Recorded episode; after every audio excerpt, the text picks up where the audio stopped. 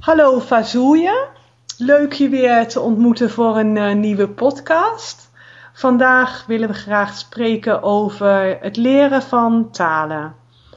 Misschien kun je zelf wat vertellen over welke talen je als eerst hebt geleerd, hoe dat ging en welke talen je nu aan het leren bent.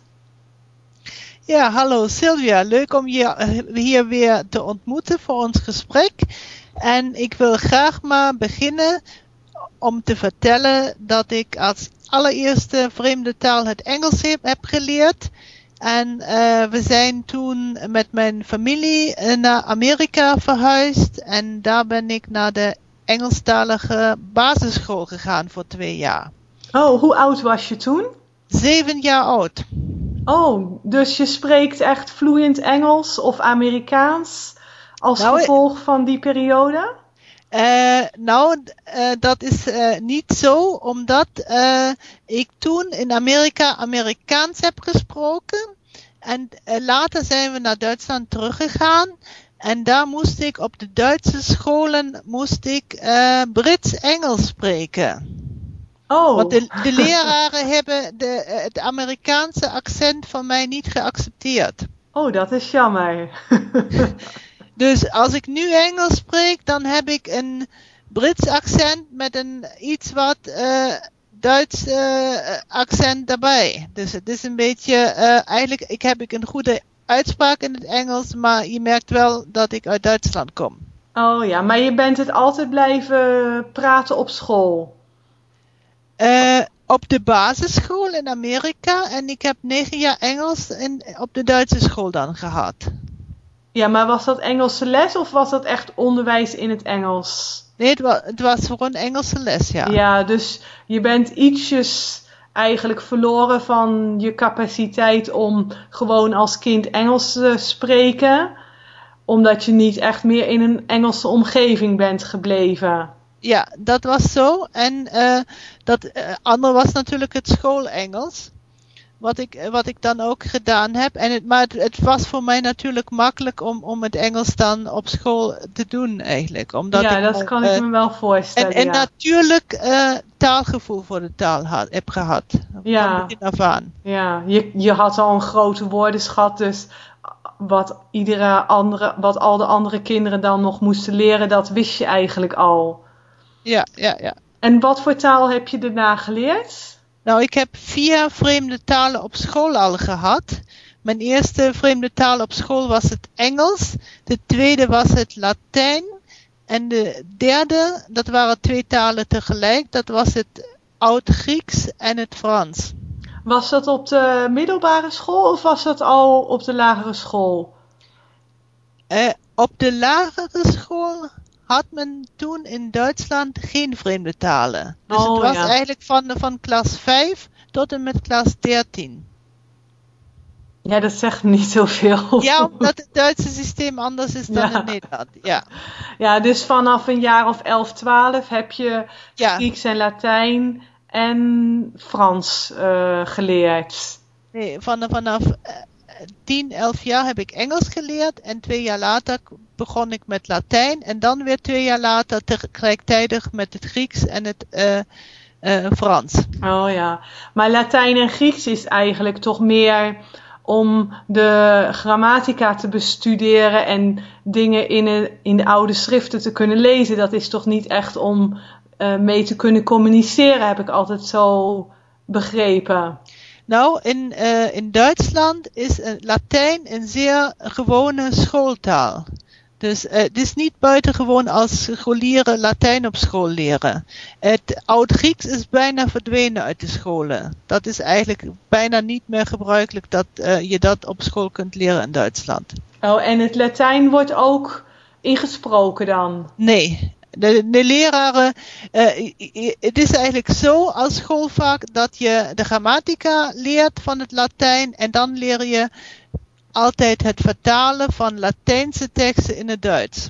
Ja, dus dat vind ik toch anders dan als je bijvoorbeeld Frans leert. Ja, is heel Want anders. eh, dan is ook de nadruk op luistervaardigheid en spreekvaardigheid. ja, eh, het, is- het, het onderwijs van, zeg maar, talen als, die, die nu niet meer gesproken worden, is volstrekt anders dan het onderwijs van levende moderne talen. Ja, dat, zo zou ik dat ook in Nederland uh, zien.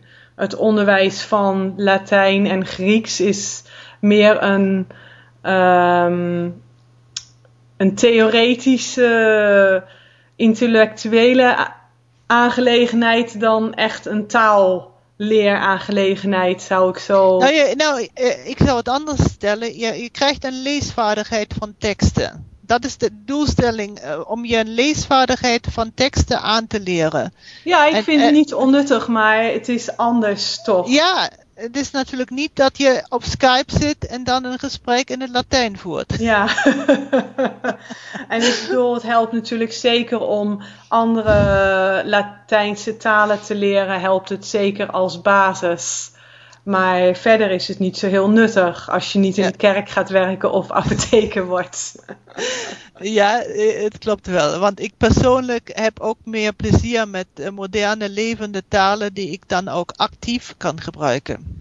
En toen later, toen heb je nog andere talen geleerd? Ja, vooral uh, de, de meeste talen die ik geleerd heb, heb ik intensief op de universiteit geleerd. Ben je toen eerst met het Nederlands begonnen of ja, had je al... Nederlands, Nederlands was mijn eerste taal die ik op de universiteit geleerd heb. Dus het Nederlands heb ik ook niet op de Volksuniversiteit geleerd, alleen op de gewone universiteit. Mm-hmm. En later heb ik nog drie, drie jaar een studie Romaanse filologie gedaan. En daar heb ik uh, Italiaans, Spaans en Frans uh, geleerd en ook cursussen in het Portugees gevolgd. En die talen spreek je nu allemaal uh, vloeiend? Nou, uh, mijn Italiaans en Frans zijn op B2-level. Uh, mijn Wat Spaans, wil dat zeggen? Uh, dat is een vrij hoog niveau van intermediate. Oké, okay, dus als je daar naartoe gaat, kan je gewoon met de mensen kletsen en je verstaat ze goed. Ja, ja, dat kan ik wel. Ik ben in Frankrijk geweest meerdere keren en ik kon daar wel prima communiceren. Ja, dus dat is toch uh, wat belangrijk is. Ja. En, en die andere talen? Portugees nou, en Spaans? Met Portugees ben ik naar de universiteit volstrekt uh, gestopt. En ik, ik, ben dus ook mijn taalvaardigheid volledig uh, kwijt van het Portugees. En ik dus je kunt het nog lezen, maar als je ja. nu met iemand zou moeten praten, dan zou het je moeite kosten. Ik kan, het, ik kan het volstrekt actief niet meer. Ik kan het niet meer schrijven en ik kan het ook niet meer spreken. Omdat het te lang geleden is eigenlijk. Nou, ik, ik ben daar niet meer doorgegaan. Want ik, ja. ik, ik, ik, wilde natuurlijk mijn Italiaans en mijn Spaans en mijn Frans uh, uh, verder gebruiken. En dat werd te veel om alles uh, actief te houden. Ja, dat snap ik, ja. Want ik heb ook gezien dat je Turks en Deens doet. Ja, um, ik heb uh, weer mijn Turks opgefrist uh, door drie jaar uh, Turks te bestuderen. Maar nu ben ik daarmee gestopt en nu doe, doe ik uitsluitend Deens als studietaal. Want Turks heb je eerst ook op de universiteit geleerd, of? Uh, nee, dat was niet deel van mijn filologie-studie. Maar ik heb wel toen uh, in, in, in uh, vakantiekur aan, vakantiecursussen van de Universiteit van Essen deelgenomen. En dit waren cursussen Turks. En waarom wou je graag Turks doen? Omdat het in, in Duitsland een, een, belangrijke taal van de immigranten is. Kende je veel Turkse mensen? Nee, dat niet. Maar ik, ik ga veel met het openbaar vervoer. En ik woon in een grote stad en ik hoor de Turkse taal elke dag om me, om me heen. Dus ik, ik, ik, en ik, ik ben ook een goede klant van Turkse winkels. Oh ja, en, en kun je nu met de Turkse mensen in Turks uh, praten?